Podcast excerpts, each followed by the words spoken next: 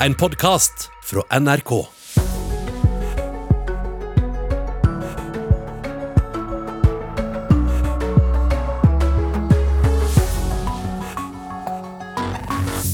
God mandag morgen. Vi er eh, omtrent midt i juli, men nyhetene de tar aldri ferie. To av tre studenter syns det er ok å leie bolig som de ikke har sett. Forbrukerrådet advarer studenter mot å leie bolig usett. Det er jo de verste eksemplene. At du, at du har betalt på forskudd for en leilighet eh, som du ikke finner. 190 mennesker er nå døde som følge av flommen i Vest-Europa. Og hvilke koronatiltak gjelder akkurat nå? Det er et stadig tilbakevendende spørsmål, siden reglene stadig er i endring. Så hva gjelder akkurat nå, da?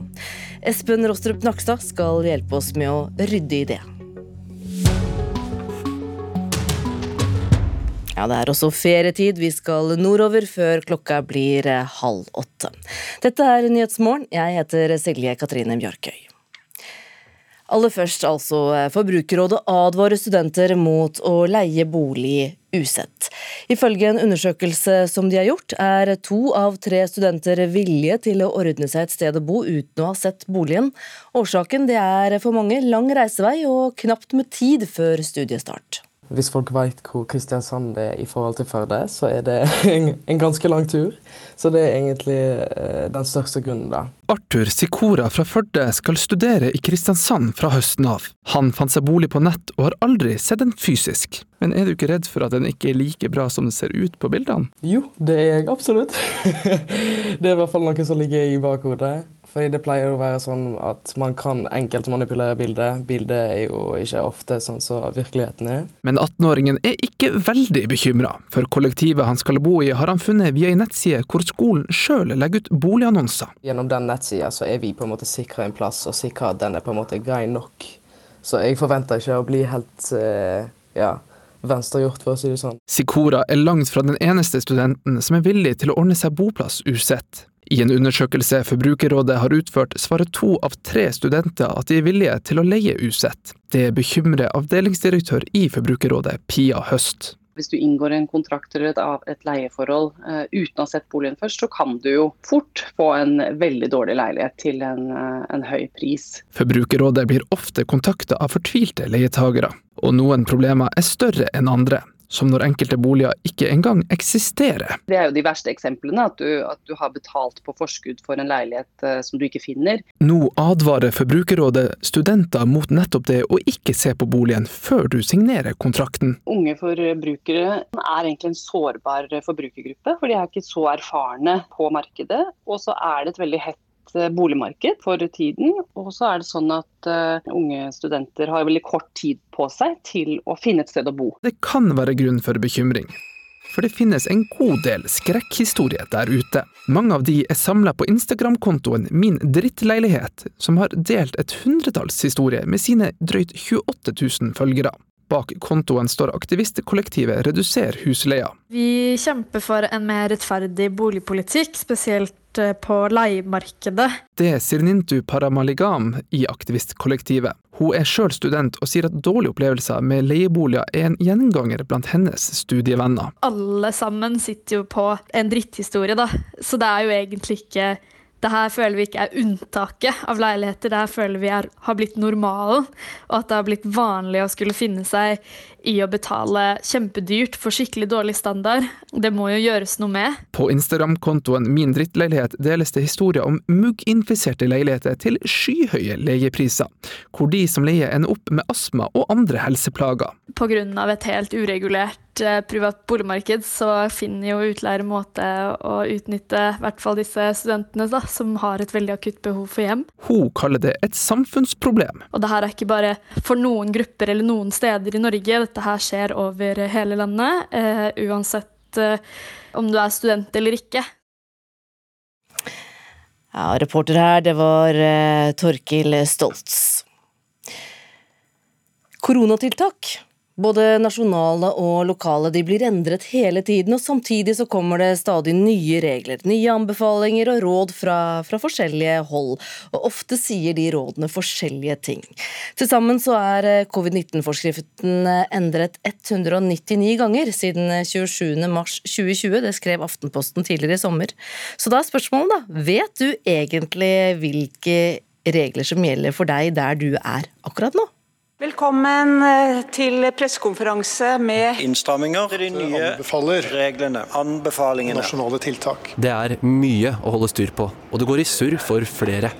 For med et virus i stadig endring endres også tiltak veldig ofte. Og det blir fort en del ting man lurer på. når vi skal bruke munnbind, eh, og hvor. Jeg kommer jo fra Kristiansund, og når jeg er her i Oslo, så er det jo vanskelig å vite hvor og når ting gjelder. I'm, I'm wondering why it's only in there and not like in like a mall or, or like the rest of the station. Har dere en sånn bestemt side dere en kan lese og forstå hva er reglene? Fordi det er veldig forskjell mellom det som står i internett, når vi ringer, altså når vi kommer. Jeg eh, lurte på ja, om jeg må ha en sprøyte et, selv om jeg har, har vært smitta. Min kone er i utlandet og hun lurer på hvordan hun skal komme hjem. Om hun må i karantenehotell, og det er jeg veldig interessert i. jeg har jo familie i Frankrike og i Italia, så at, eh, om hun må i karantene i det hele tatt. Da. Om vi får eh, reise til utlandet uten å bli koronatesta. Er det lett å holde oversikt over alle reglene? Tja, ikke helt. Prøver så godt jeg kan. Nei. Hvorfor ikke det?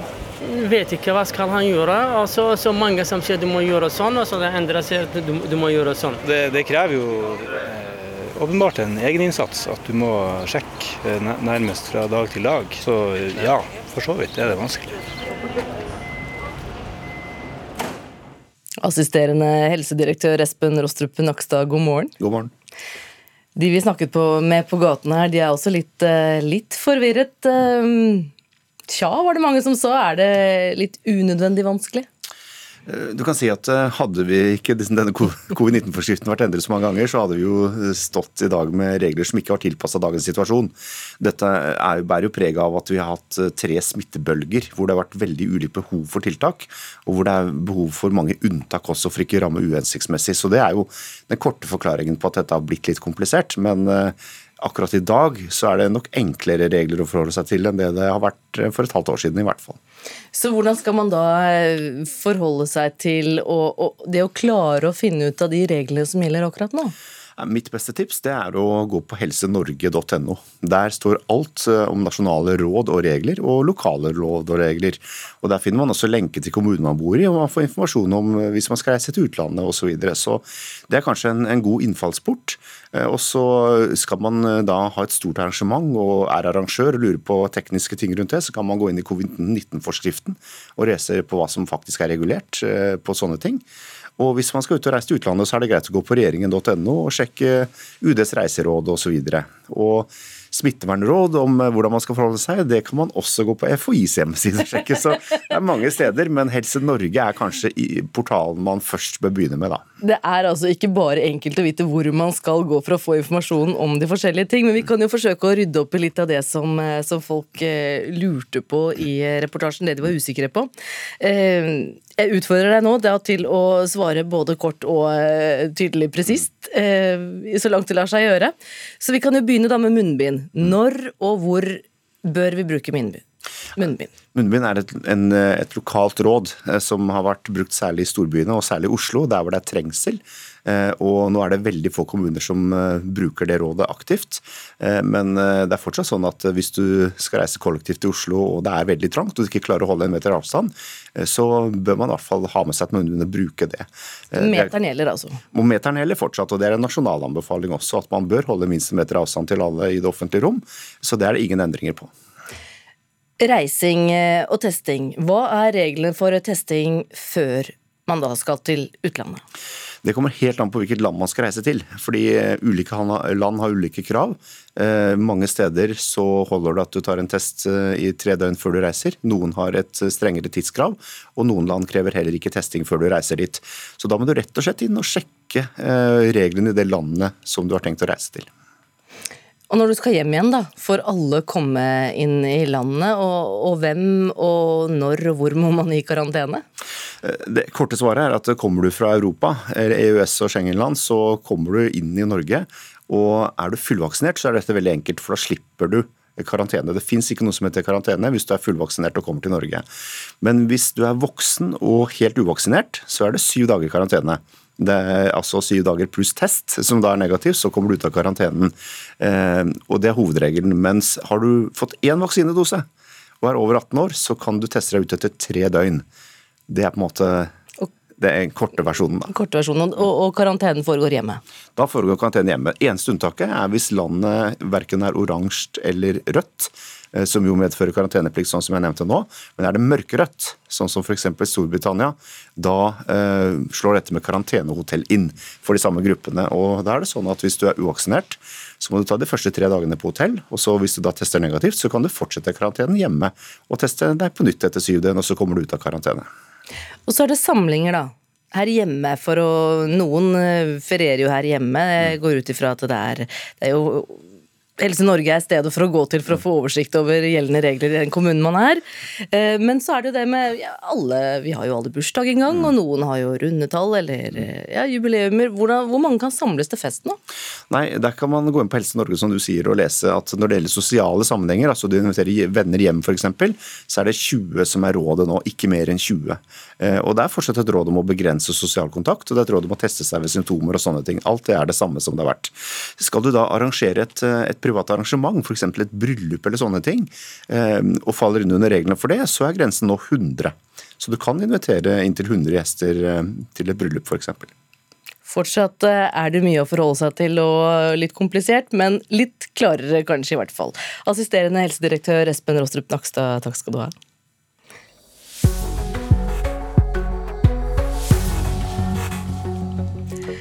Klokka er eh, kvart over sju. Dette er Nyhetsmorgen. To av tre studenter er villige til å leie bolig usett. Forbrukerrådet advarer mot å si ja takk til boliger som man ikke har sett. Koronasmitten øker i USA. Pågangen på sykehusene er eh, størst der hvor færrest er vaksinert. Og mange bruker eh, ferien sin her hjemme i Nord-Norge. Men nå er det mye dårlig vær. Følg med, vi skal straks til Senja. Men aller først nå til flommen i Vest-Europa, for tallet på døde som følge av styrtregn og flom der har nå steget til 190 personer. Uværet har nådd Østerrike nå, og der er de vestlige delene av landet nå rammet av flom. Korrespondent Roger Severin Bruland, du er i byen Salzburg i Østerrike. Hvordan er situasjonen der nå? Ja, jeg kan jo fortelle til radiolytterne eh, som ikke kan se TV-bilder. Jeg står rett ved elva Salsak, som går gjennom Salzburg sentrum. og Vi ser jo det at eh, vannstanden er veldig høy. Og den har jo vært eh, to-tre meter høyere på det verste. Det kom jo en eh, flom i går natt som vaska gjennom drabantbyen til Salzburg, Hallein. Eh, veldig dramatisk eh, bilde. Eh, men heldigvis ble ingen skadd der. Men på den andre sida av landegrensa, i Tyskland og i Bayern, så ble dessverre to personer omkommet. Og denne flommen har, må jeg bare understreke, har ingenting med, med den flommen som har vært nå i Vest-Tyskland. Dette er et uavhengig uvær men lignende værforhold med veldig kraftig regn, som har ført til eh, overraskende oversvømmelser. Og skadene da, Hvor omfattende er skadene etter flommen i Østerrike nå? Ja, Det var Hallein som fikk det verst. og det, Der ble jo samtlige kjellere oversvømt. Og alt som var lagra der, eh, har blitt eh, rydda ut. Jeg må nå si at Østerrikerne er fryktelig effektive. De hadde rydda ut og eh, og spylt gata. Ja, bare noen timer etter at vi hadde kommet her i går, så hadde en gjort opprydninga. På den andre sida av, av landegrensa så var det også lignende skader. En ser skade på vei, f.eks. At den asfalten har blitt revet opp. og at slammet har kommet rundt overalt. Sånn som vi ser her, så har, har det jo lagt seg veldig mye slam langs eh, elvebredden. Og Det en er bekymra for nå, er jo det at eh, det er varsla mer regn. Og da kan det komme enda mer eh, uventa flommer. Hvordan har folk i Østerrike vært forberedt på dette uværet? Ja, De vi snakka med i går, var veldig irritert, for de følte de hadde fått altfor dårlig varsling om det her. Altså, folk ble rett og slett tatt på senga. Og det er utrolig farlig når du får en sånn sterk eh, vassstrøm gjennom et eh, boligområde. Hvis den går ut, da, så kan den bli revet med og eh, drukne. Og det er nok tydeligvis det som har skjedd i Bayern, hvis den er veldig uheldig. Så det er en, er en del kritikk, eh, men samtidig så er det jo utrolig vanskelig å forutse disse her eh, nedbørsmengdene. For det her er jo nedbør som kommer veldig lokalt, eh, og, og veldig kraftig.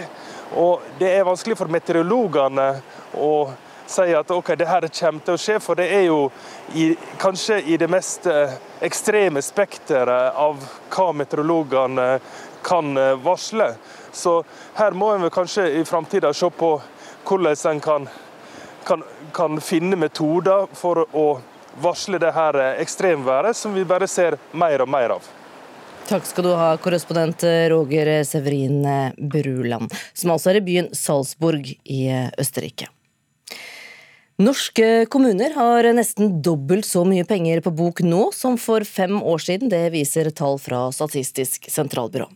Det er også få kommuner som må få hjelp til økonomisk styring fra staten. Erik Borge, som er leder for teknisk beregningsutvalg og professor ved NTNU, han sier at utviklingen er positiv. Det er økt kraftig fra 2019 til 2020. Det sier Lars Erik Borge, leder for teknisk beregningsutvalg for kommunal og fylkeskommunal økonomi. Tall fra KOSTRA, kommunenes statrapportering, viser at pengene kommunene har på bok, har mer enn doblet seg de siste fem årene. I tillegg er et nesten rekordlavt antall kommuner stemplet som økonomisk ubalanserte. Det vil si at de blir satt under statlig økonomisk administrasjon. Borge mener det vitner om at kommuneøkonomien er god. Ja, det, det, gjør jo det. På det verste så var det jo rundt i overkant av 200 kommuner på den lista. Og når den er ned på 15, så har det vært en dramatisk reduksjon de siste årene. Og, og Det er jo et resultat av at kommunene i hvert fall siden 2015 da, har hatt gode driftsresultater. Samtidig er ikke alle like overbevist om at kommuneøkonomien går på skinner. Stortingsrepresentant i Ap, Stein Erik Lauvås, mener situasjonen er svært ulik fra kommune til kommune. Det er nok litt forskjellig. Eh, det er veldig mange kommuner som faktisk sliter. Eh, så veldig mange eh, små og mellomstore kommuner, de sliter.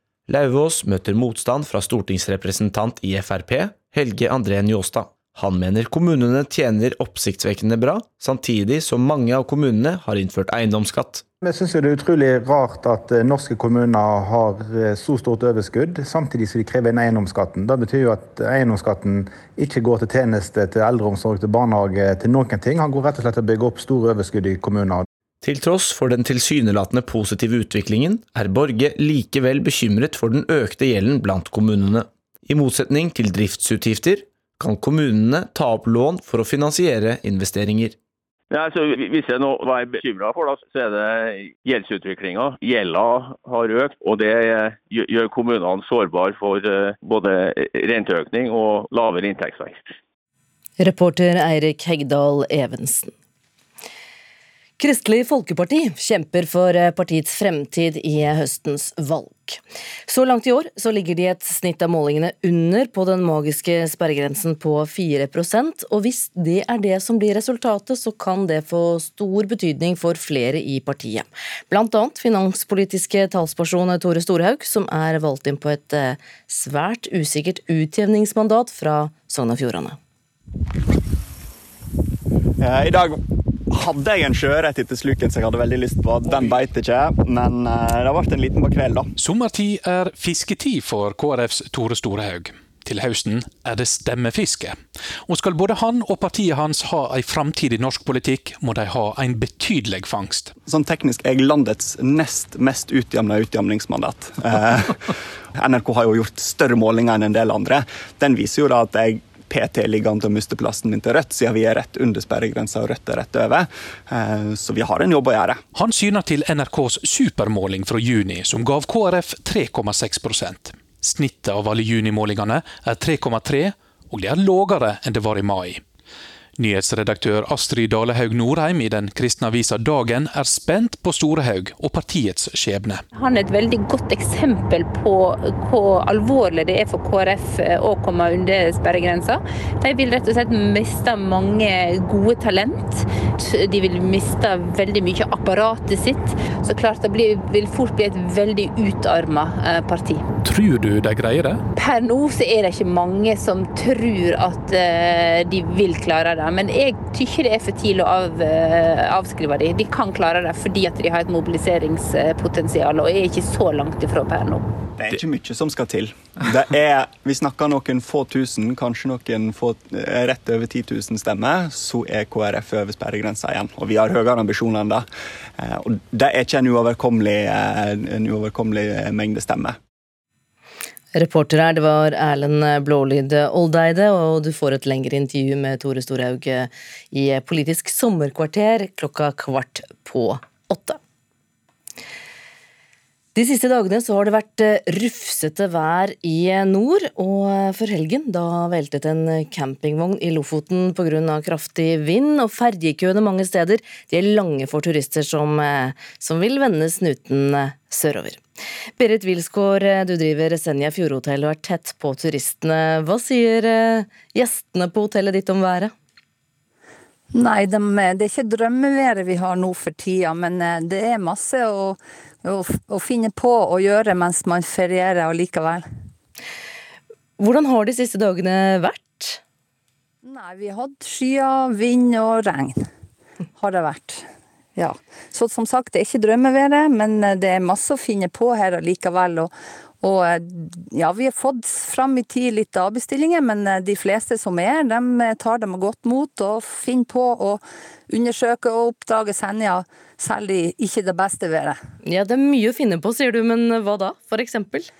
Vi har masse flotte turområder, både til fjells, gå etter, vi har ei flott dronningrute her på Sør-Senja, som går etter fjæra, og på Senja Fjordhotell, som vi drifter her, så har vi sykler til leie, og vi har båter til leie, kan gå ut på havet og fiske når det ikke er for mye vind. Det er jo selvfølgelig væravhengig, det. Ellers så har vi, når du kommer på land igjen, da, eller tilbake fra tur, så har vi en jacuzzi. Den holder 40 grader uansett vær. Og øla er på fem grader, og det er helt topp ellers sånn. Vi har en flott stue, så de kan sitte og lese bok i, se ut på været, enten det er godt eller dårlig. Så vi har en del. Vi har museum i området, vi har gammelbutikk borti Skrollsvika som er flott, og en opplevelse i seg sjøl. Og ja, her er en del å gjøre. Men båtturer, det er kanskje ikke tiden for nå?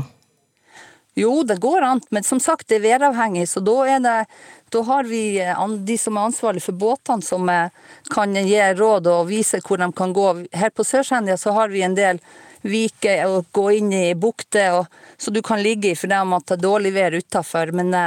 Og så har vi hele tida kontakt med de som er på havet når de skal tilbake, eller vi har folk som skipper som er ute med dem, som, som tar. Så det går an, selv i dette været. Men som sagt, blir været for dårlig, så må vi ta den på land.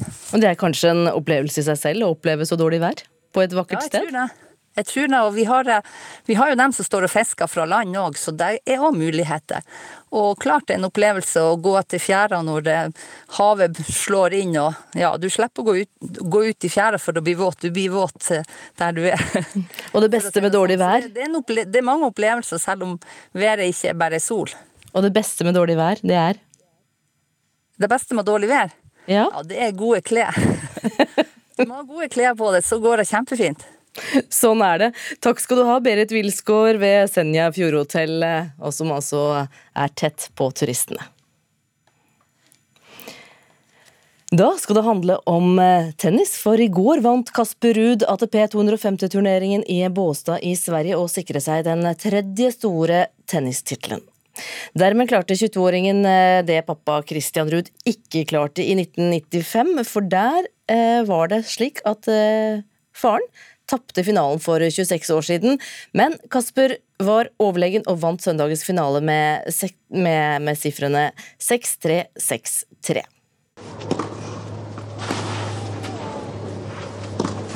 He's done it. Finally, Rude stutters rather than races over the finish line. It's Norway's day in Sweden. Den er jo like stor å vinne den her som både Buenos Aires og, og Genéve, men akkurat det at det er nærme hjemme og mange nordmenn som var her og så på, gjør det ekstra spesielt. Det sa tennisjuvelen Kasper Ruud etter at han sikra seg sin tredje ATP-tittel i Båstad i Sverige i går. Han fikk en etterlengta revansj etter å ha tatt mot finalemotstanderen Federico Coria to ganger tidligere. Det, det, skjedde heldigvis. Det var uh, ganske mye vind og litt utfordrende forhold i dag, men jeg føler at uh, jeg har uh, ikke spilt altså, hele livet i vind, men jeg har vokst opp med litt vind og disse forholdene jeg i, i, Norge, og ikke minst på Mallorca der jeg trener en del, det, kan det være ganske mye vind til tider. Så jeg følte at jeg klarte å bruke vinden bra og, forhold, og spille bra til forholdene. Og forholdene de lå til rette for Ruud. For gjennom hele turneringa på det som kan kalles heimebane for nordmannen, har han vunnet i strake sett. Noe 22-åringen er godt nøyd med. Alltid hatt en veldig bra turnering, og jeg spilte bra fra første poeng til siste poeng av turneringen. Og det har vært, vært en fantastisk uke. Ja, Det sa altså Kasper Ruud, som har sikret seg den tredje store tennistittelen sin. Reporter her, det var Henrik Thorsnes Lefdal. Klokka nærmer seg 7.30 og Dagsnytt. Vidar Eidhammer er klar i studio. Etter det så er vi tilbake med en reportasje. Sommer i P2. Ei smerte slår ned i kroppen. Rykker gjennom brystet for hvert måkeskrik. Hver knirking i panelet, hver skraping i asfalten fra en forbipasserende sko. Jeg heter Sandra Lillebø og er helt avhengig av ro i Sommer i P2 forteller om den ekstreme varsomheten for lyder, lukter og bevegelser som har vært med meg så lenge jeg kan huske. Sommer i P2 i dag klokka ni.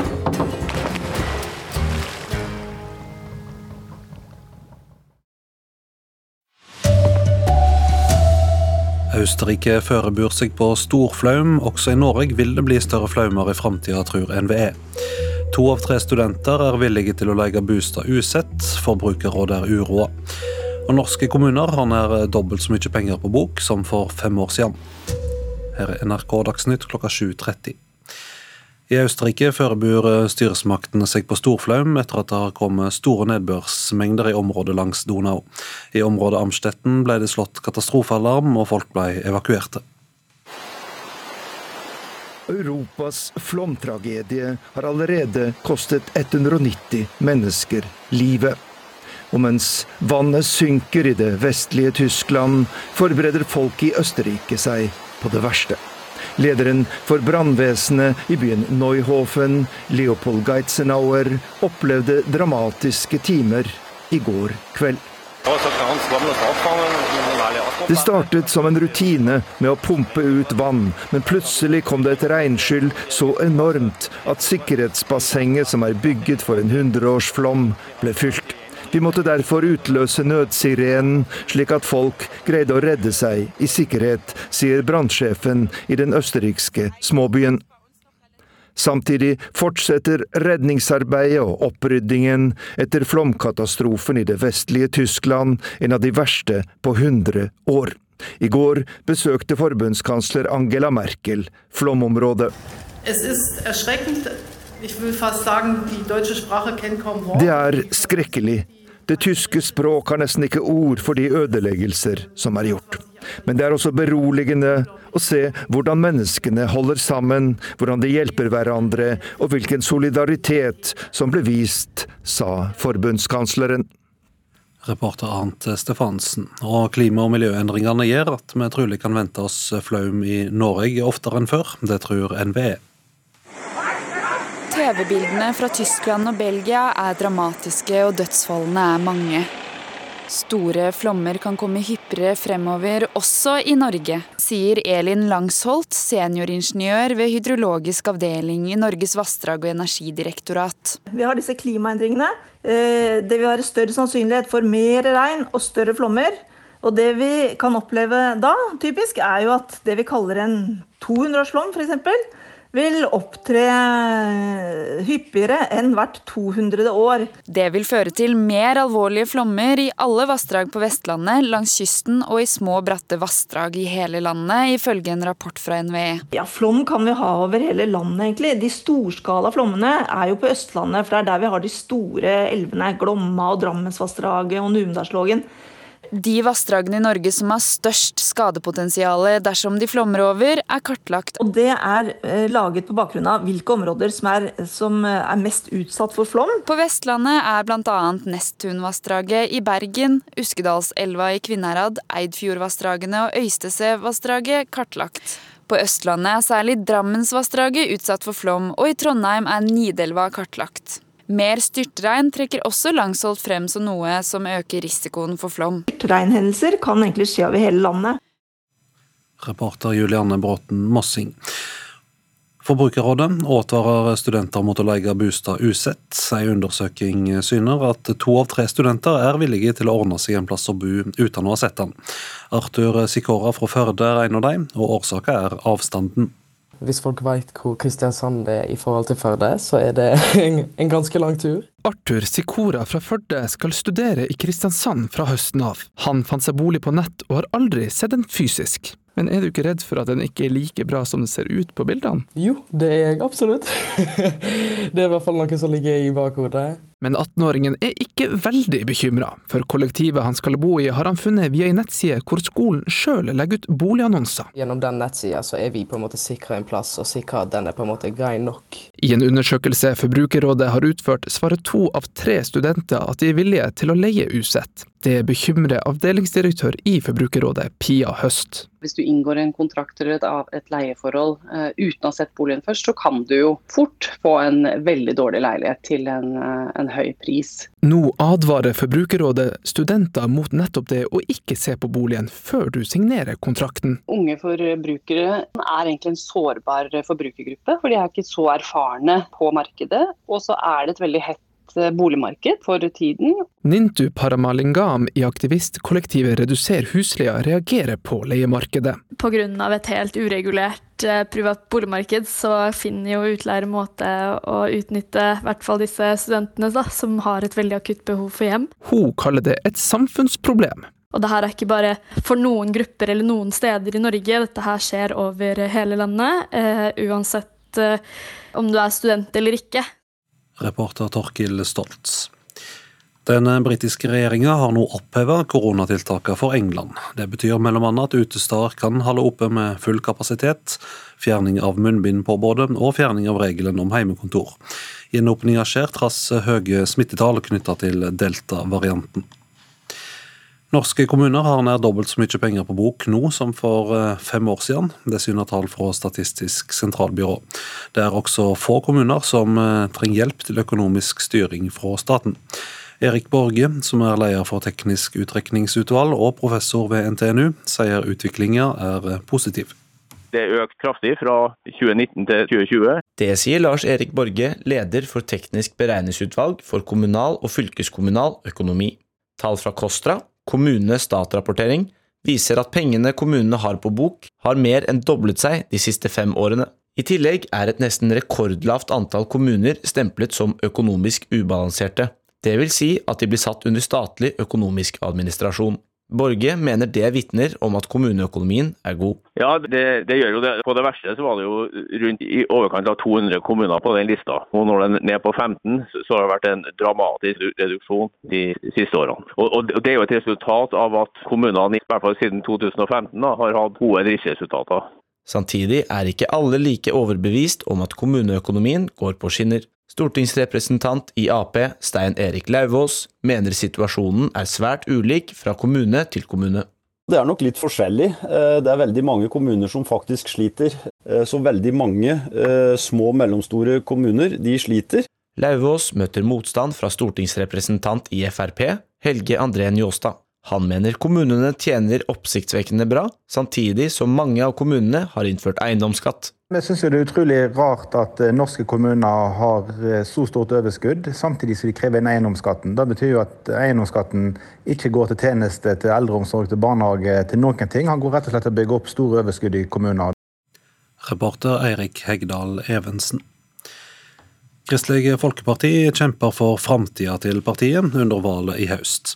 I et snitt av alle målingene i år ligger KrF under sperregrensa på 4% altså grensa for å kunne få utjamningsmandat. Deres viktigste finanspolitiske talsperson, Tore Storehaug, er valgt inn på et svært usikkert utjamningsmandat fra Sogn og Fjordane. I dag hadde jeg en sjøørret etter sluken som jeg hadde veldig lyst på. Den beit ikke, men eh, det ble en liten makrell, da. Sommertid er fisketid for KrFs Tore Storehaug. Til høsten er det stemmefiske. Og skal både han og partiet hans ha ei framtid i norsk politikk, må de ha en betydelig fangst. Sånn teknisk er jeg landets nest mest utjevna utjevningsmandat. Eh, NRK har jo gjort større målinger enn en del andre. Den viser jo da at jeg PT ligger an til å miste plassen min til Rødt, siden vi er rett under sperregrensa og Rødt er rett over. Eh, så vi har en jobb å gjøre. Han syner til NRKs supermåling fra juni, som gav KrF 3,6% Snittet av alle junimålingene er 3,3, og det er lavere enn det var i mai. Nyhetsredaktør Astrid Dalehaug Norheim i den kristne avisa Dagen er spent på Storehaug og partiets skjebne. Han er et veldig godt eksempel på hvor alvorlig det er for KrF å komme under sperregrensa. De vil rett og slett miste mange gode talent. De vil miste veldig mye av apparatet sitt. Så klart det blir, vil fort bli et veldig utarma eh, parti. Tror du de greier det? Per nå så er det ikke mange som tror at eh, de vil klare det det. Men jeg tykker det er for tidlig å av, eh, avskrive dem. De kan klare det fordi at de har et mobiliseringspotensial, og er ikke så langt ifra per nå.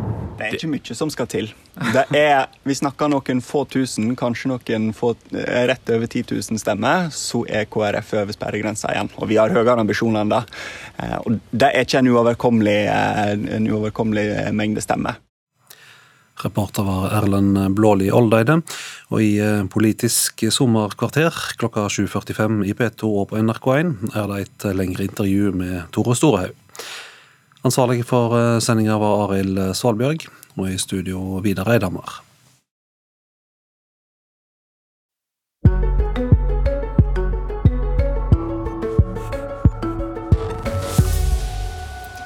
Norgesferie er fortsatt det foretrukne valget for mange, selv om flere og flere blir vaksinert og har muligheten til å reise karantenefritt eh, ut av landet, i hvert fall for å komme hjem igjen.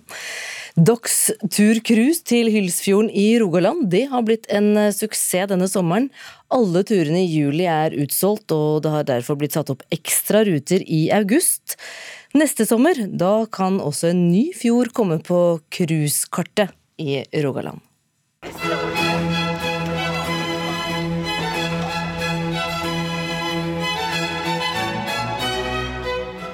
For oss å få seile i blankstidler sånn som dette På morgenen får du soloppgangen. Du, du, bare går inn i et glansbilde så du kan seile gjennom hele dagen og slutte av på kvelden. Så er vi jo utrolig heldige. Jeg vil si En av de heldigste og beste arbeidsplassene en kan ha, å få være på sjøen. En drømmedag på jobben for skipper Kristen Helgøy på Helgøy kystbåt. I cruisefart til en fjord som virkelig har fått vind i seila i sommer. Så Det er jo mye her som du har sett mange ganger når du kjører langs veien, men det er noe helt annet å se dem fra sjøsida. Og når veien mot målet er Ryfylkefjordene, mangler det ikke akkurat på sommerperlene.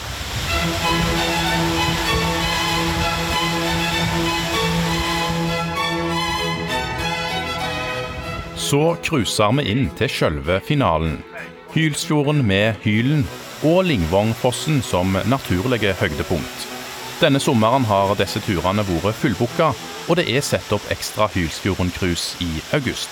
Ja, Responsen har vært helt formidabel. Vi liker jo å være i det optimistiske enden, da, men at, uh, da så vi gjerne føre oss 40-50. Men ikke en sånn en oppslutning som dette. Den fjorden er en fjord som var en veldig spennende og populær fjord, eller spennende og viktig fjord i gamle dager. Men som i dag er en uoppnåelig fjord for folket med at det ikke er båttrafikk lenger. Det nye cruisetilbudet på onsdager har iallfall endra på litt av dette. Solfri Li og Toralf Hebnes er blant de som koser seg på dekk. Jeg syns det er helt fantastisk. Vi har sånn et flott land og får lov å være med og se på dette fine landet. Nei, dette er en kjempetur. Eh, hvor vi får en skikkelig fin rundtur i Ryfylke og inn i, innerst i Hylsfjorden. Det var bare stort. Hylsfjorden var jo en av de viktige livsnervene som du hadde i uh, gamle dager. Når de kom fra innlandet, Setesdalen, så kom de ned i fjordene og rodde og seilte til byen. Så klart, Da var, var det om å gjøre å komme ned så langt inne, for det var lettere å ro seg ut fjorden enn å gå ut. Sommersuksessen med Hylsfjorden cruise gjør at reiselivet i Ryfylke vil prøve å få en ny fjord på cruisekartet neste sommer. Det stadfesta reiselivssjefen i Ryfylke, Liv Jorunn Kjelmeland. Vi jobber med nye konsepter eh, og tanker rundt neste år, eh, og òg kobler på Sauda eh, som en del av fjordcruise i nord. Cruise inn Saudafjorden? Ja. Det kommer jeg til å være med på hvis de kommer til å arrangere det òg. For det blir noe helt annet etter hvert å få se det fra sjøen. Eller vi som vanner med bare å se det langs veien.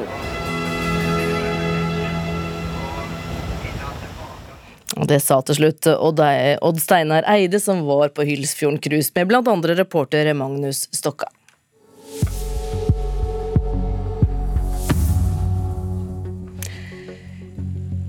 Det er Nyhetsmorgen du hører på. Klokka er 7.44 nå. Vi har eh, blant andre disse sakene på menyen i dag. Østerrike forbereder seg nå på storflom.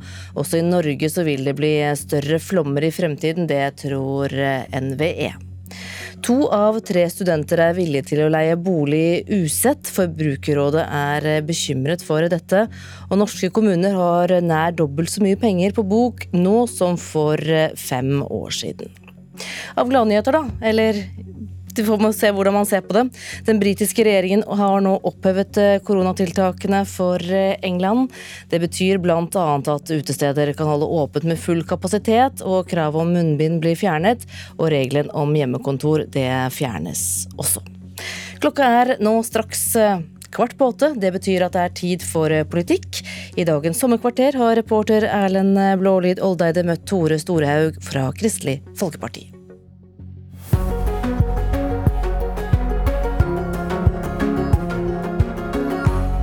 Tore Storhaug. Jeg er 29 år og kommer her fra Flokeneset, der vi nå sitter på kaia. Eh, og jeg sitter på Stortinget, sitter i finanskomiteen og i energi- og miljøkomiteen. Dette var lyden av snella og kastet til Tore Storehaug. Står her på kaia hjemme i Flokeneset. Hvordan er det å kunne fiske en solskinnsdag som dette? Nå er det fint. Det er dette som gir hvilepulsen nå på sommeren. Hvor mye hører vi denne snelle lyden her gjennom sommeren her på Flokneset? Eh, her har jeg alltid stått fra jeg var bitte liten. Uh, nå er det litt tidlig å fiske makrell. Litt seint på dag til å fiske sjøørret, men, men, jeg bruker å ha med noen turer nedom. Gjerne sånn du kan ha litt uh, musikk eller kanskje god lydbok på øra, og så får timene bare gå. Et av de faste spørsmålene vi skal stille dere politikerne i dette politiske sommerportrettet, er hva liker dere å kunne gjøre best om sommeren, så en kanskje ikke får gjort ellers? Mulig det er et lite hint at vi står akkurat her. Blir det noe fisk, da? I dag hadde jeg en sjøørret etter sluken som jeg hadde veldig lyst på. Den beit ikke, men uh, det ble en liten makrell, da. Ja, så her, her ligger ja, Det er agnfisk til seinere, når jeg får fått meg båt og kommet meg ut på. Men vi, vi skal jo prate litt politikk òg. Skal vi finne oss eh, en plass i le og så gjøre det? Ja, jeg har funnet fram et par stoler, så vi kan sette oss. Tror du på et liv etter døden? Eh, jeg eh, tror på det, ja. Tror du på et liv etter sperregrensa? Jeg tror at KrF kommer til å klare sperre, og komme oss over sperregrensa. Det er målet, og det er det vi skal klare å få til. Du skjønner, Meningsmålinger for tida det ser nesten ikke sånn ut. Dere har ligget under i de to snittmålingene i det siste. og ja, det, hadde, var det 3,8 på NRKs supermåling? Det er ikke mye som skal til. Det er, vi snakker noen få tusen, kanskje noen få, eh, rett over 10 000 stemmer, så er KrF over sperregrensa igjen. Og vi har høyere ambisjoner enn det. Eh, og det er ikke en uoverkommelig, en uoverkommelig mengde stemmer. Vi lå noenlunde likt an på våren for to år siden, og da fikk vi et skikkelig løft fram imot valget som gjorde til at vi havna over fire. Da, da, skal vi klare igjen. Og Vi ser jo da at vi har hatt en vår bak oss der det har vært mange saker som får fram viktigheten av et parti som KrF. Vi har hatt fire partier eh, som har peka på at de ønsker å gå til valg på å utvide abortgrensa. Du har hatt parti som vi samarbeider tett med, som Høyre, som har tatt lange steg i å ville innskrenke familiene sin valgfridom når de går vekk fra å ville ha ei kontantstøtte. Eh, så forskjellen på og hvorfor KrF blir viktig, det blir bare tydeligere. Så disse stemmene skal vi klare å hente. Men samtidig som disse sakene har vært oppe, så har oppslutnaden deres gått ned. Hva forteller det deg? Ja, Det er vel både òg. Den våren her har vi jo òg sett at vi har hatt perioder der vi har klart å, eh, å mobilisere større enn en, en 4 og det har vi et mål om å gjøre. Etter valget for fire år siden, i 2017, så var det dårligste valget i historien for KrF. Så bestemmer partiet seg for å gjøre et retningsvalg og velge en vei i politikken, og valgte høyresida. Forteller meningsmålingene nå at dere valgte feil? Jeg tror da at Meningsmålingene som er nå, viser da at vi har et potensial til å mobilisere og hente ut de stemmene vi trenger for å klare å komme oss over sperregrensa. Og så er det nok sånn at eh, det regjeringsvalget som partiet gjorde, da eh, gjorde til at vi nå har vært en del av en regjering og fått lov til å vise de, den politiske forskjellen som KrF betyr. Eh, det har ikke vært før KrF kom i den posisjonen. Vi har klart å løfte barnetrygda. Det er et sak som mange partier har snakka om, men som en ikke har ville prioritert når gode formål skal settes opp imot hverandre. Ja, for Har ikke velgerne fått det med seg? Dette er jo litt sånn kanskje typiske politikersvaret hver gang en skal kommunisere at eh, meningsmålingene ikke er der en ønsker seg. Men, jeg, men, eh, som jeg er inne på, altså, det er en del ting i, vår, eh, i løpet av den våren her som får fram viktigheten av hvorfor vi, vi trenger et sterkere KrF. Og jeg er optimist på at vi skal klare å løfte oss. Eh, du, du, sitter innvalgt på et eh, utjamningsmandat fra Sogn og Fjordane. Mm. Hvor eh, sikker er du på å kunne bli valgt inn på nytt? Jeg, er sånn, sånn, teknisk er jeg landets nest mest utjamna utjamningsmandat. eh, og det er, det er jo en, masse usikkerhet knytta til å være utjamna. Men, eh, men, det er jo ikke mer enn at KrF klarer å komme seg over sperregrensa, så har jeg en stor sjanse til å få få eh, lov til å fortsette det virket som jeg har gjort i Stortinget de siste fire åra. Eh, men da må vi mobilisere, og en må klare å samle stemmer her i Sogn og Fjordane. Eh, den målinga som du viste til, NRK har jo gjort større målinger enn en del andre, den viser jo da at jeg PT ligger an til å miste plassen min til Rødt, siden vi er rett under sperregrensa og Rødt er rett over. Så vi har en jobb å gjøre, og den er jeg klar for å gripe fatt på. Vi var innom retningsvalet som ble gjort. Eh, et retningsval der du eh, støtta partilederen din, Knut Arild Hareide, i å også skulle velge venstresida i norsk eh, politikk, men flertallet i partiet valgte høyresida. Og Da en skulle stemme over hvorvidt en skulle gå inn i regjering, så snudde du og stemte ja til det, og var tungen på vektskåla som avgjorde det. Da var det enkelte som mente at du eh, dolka Knut Arild Hareide i ryggen, at du svikta han, og at du svikta dine prinsipp. Hva vil du si om det? Jeg vil si at eh, jeg mener den vurderinga som jeg gjorde den gangen, var riktig. Den gangen så skulle en jo ta stilling til et framforhandla eh, resultat. Eh, vi hadde fått en regjeringsplattform som leverte på de sakene som KrF har, har ønska å påvirke norsk politikk på. Den inneholdt store økninger i form av at den til barnefamiliene både med et skikkelig løft for barnetrygda og en utrulling av et fritidskort for unger mellom 6 og 18 år. Det var jo den plattformen en tok stilling til, og den inneholdt jo så store KrF-seiere, og vi drog norsk politikk så langt mot sentrum at eh, jeg mener det politiske resultatet taler for seg. Men var det da eh, feil av deg å si nei til høyresida i utgangspunktet? I den situasjonen så var jeg enig med Knut Arild og den analysen som han gjorde. Og så er det jo sånn at når eh, flertallet i et parti har, har sagt hva, hva en mener, så må en jo eh, lytte på det landsmøtet har gjort, og så må en jo få fram altså, Det som er felles for alle som har engasjert seg i KrF, er jo at vi mener at det er vårt parti som er forskjellen i det enkelte samarbeidet. Og både høyresida og venstresida i norsk politikk eh, prioriterer familiene høyere når de samarbeider med KrF. Eh, og det er i den praktiske politikken jeg i alle fall finner mitt, det er, at det er verdt å engasjere seg, og at en, eh, når en får betydd en forskjell. Og der er jeg stolt av de resultatene som vi har fått til. Men Kjente du deg som en sviker for Hareide? Nei. Jeg mente at da, i den situasjonen som en sto i, når en skulle ta stilling til den regjeringsplattformen, så leverte den på det som KrF hadde, eh, hadde bestilt, og det vi hadde gått til valg på. Du sa at det var en av dine tyngste dager i livet da du stemte ja til regjeringsplattforma. Eh, hvordan har dialogen vært med Hareide etterpå?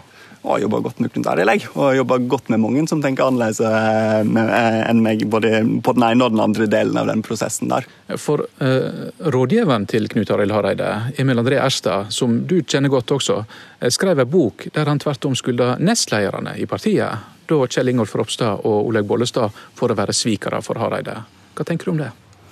Den boka må du få, diskutert med Emil. Jeg har faktisk det er litt feit å innrømme, men jeg har faktisk ikke lest den. Eh, jeg skal ned og uh, treffe Emil nå om noen dager, uh, så jeg får eventuelt ta diskusjonen med han da. Men jeg, jeg tenker at vi, har, vi har nå òg både ei partiledelse og gode folk i regjeringsapparatet som har vist hvor KrF betyr en praktisk forskjell jeg, jeg, hadde noen spørsmål om hva er du mest stolt over å få til, eller hva vil du peke tilbake på av resultat. Det har du fletta inn i nesten samtlige spørsmål jeg har stilt til langt, men, men, du skal likevel få det. Hva er du stolt over å få til i regjering? Jeg tror det spesielt løftet vi har gjort for barnefamiliene har vært kjempeviktig og nødvendig. Og at Norge har vært et land som, eh, som stiller opp og drømmer større, og ikke bare tenker på oss sjøl eh, gjennom at vi tar imot godt med kvoteflyktninger og har en, en bistandspolitikk der vi ikke bare er, gir, gir eh, raust, men at vi òg har en bistandspolitikk der vi passer på at de kronene betyr en praktisk forskjell, og målretter det mer inn mot de som trenger det, det aller mest. Og det var veldig mye annet som ble vedtatt på partiet sitt landsmøte. Faktisk så mye og så mange dyre valgløfter at du måtte rykke ut og så be landsmøtet moderere seg og roe litt ned. Som finanspolitisk talsperson så er det din oppgave å være litt stram og litt eh, økonomisk nøktern. Hvor flinke var partiet til å lytte til deg? Jeg tror vi har et eh, partiprogram som er veldig godt, og som viser veldig tydelig hvor det er KrF mener en må ha de store løftene i tida framover. Og da har vi særlig da store ambisjoner for norsk eldreomsorg, og mener da at det er en del av det norske velferdssamfunnet der vi ikke strekker til godt nok i dag. og Da vil vi spesielt òg både løfte liksom den, eh, den, klassiske eldreomsorgen med omsorgsplasser og det hele, men òg løfte den jobben som en del pårørende gjør. Og så mener jeg at vi har et partiprogram som er ganske tydelig på at det er disse tingene vi prioriterer. Altså Mens vi satt i de diskusjonene på vårt landsmøte, så satt jo stortingsflertallet og vedtok ganske dyre ting, de òg. Eh, F.eks. så var det jo et flertall på Stortinget som peka på at eh, utenfor de alminnelige prosessene sa at en skulle ha på plass Nord-Norge-banen. Eh, ja, for Du ville bl.a. ha kontantstøtte for pårørende som tar vare på eldre. Hvor mye kan det koste? En del sånn usikre faktorer som ligger der, men de beregningene vi har gjort, tilsier at det koster rundt 900 millioner. Men så var du veldig kritisk til opposisjonen da de forhandla fram mer penger i pensjon i trygdeoppgjøret mm. til pensjonistene. Det koster bare 650 millioner. Hvorfor er det for dyrt, mens 900 millioner er passelig? Ja, Det handler vel litt om hvem det er en ønsker å prioritere. Gjennom de siste åra har jo KrF betydd en forskjell og vært med på å løfte minstepensjonistene veldig mye i pensjonsoppgjøret. Eh, mens dette her var de andre pensjonistene som allerede hadde fått et veldig godt oppgjør, og som der stortingsflertallet ønska å plusse på et veldig godt oppgjør. Og Det mente jeg ikke var, var riktig prioritering. Hvor vanskelig har det vært å være den i partiet som kanskje fremst skal snakke om det å være eh, økonomisk nøktern? Det, det, det, høres jo helt uh, ut som du driver med sjølpining hvis du sier at du liker det, men, men fordi at i liksom det der med at politikk skal bety en forskjell, så er det ganske mye ehm, det, er mye som ligger i detaljene i politikk. Og eh, det er mange det er mye som skjer når gode ønsker faktisk må settes opp imot hverandre. En må gjennomføre faktiske prioriteringer. Eh, og Der lever jo jeg litt etter Ivar Aasen sin gode leveregel, at jeg ikke alltid det høver best å hjelpe den som trenger det mest. Ja, for Samtidig så var du stolt ute i lokalavisene da det ble eh, milliardløyvinger til tunneler på Strynefjellet og tunneler i Førde rett en halvtime unna her. Hvorfor var det så viktig å bruke penger på? I uh, utviklinga av flere av de lokalsamfunnene som du peker på nå, og det å ha trygge veier rundt omkring i distriktene, så en, har vi fått på plass nå en nasjonal transportplan som er god, i form av at den prioriterer en del viktige prosjekt som er viktige i folks hverdag, og som lager en, en tryggere skoleveier og tryggere jobbveier for, for folk. og Det mener jeg er en riktig og viktig prioritering. Hva ambisjoner har du på egne vegne hvis det blir en ny borgerlig regjering? Har du, nå har du vært fire år i Stortinget. Har du lyst inn i regjeringa? Jeg trives veldig godt med å jobbe i Stortinget. Eh, og spesielt de siste årene når vi har vært en mindretallsregjering, så er det jo der mye av de politiske arbeidene har, har vært viktig. Fordi det er der mange av kompromissene skal inngås, og vi får lov til å drive med forhandlinger der vi skal gi og ta. Og Det har vært veldig spennende å få, få, lov til å ta del i, så det gjør jeg gjerne mer av. Hvem er din favorittpolitiker fra et annet parti?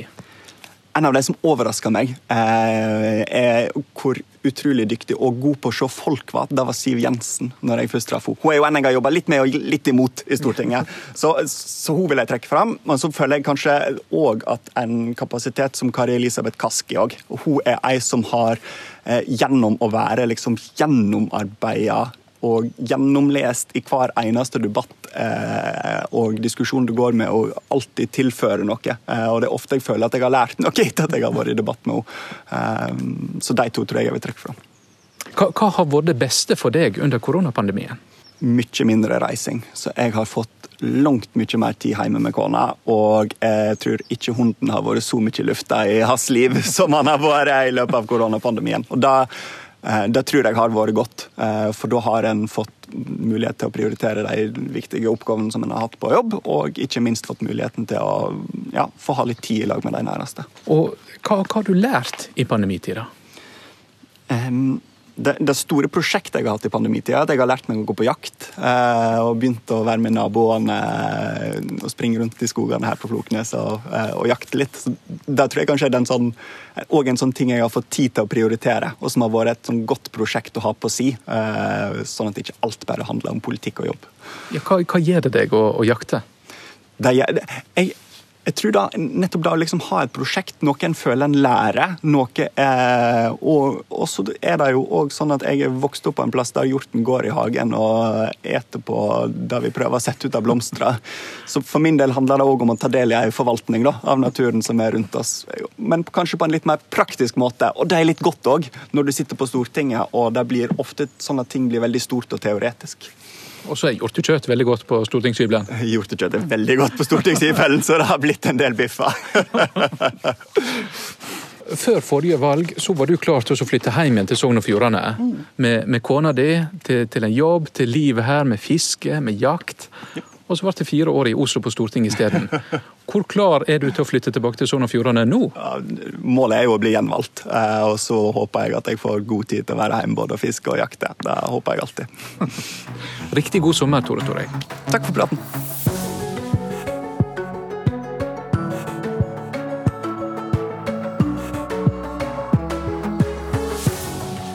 Du har hørt en podkast fra NRK. Hør flere podkaster og din favorittkanal i appen NRK Radio.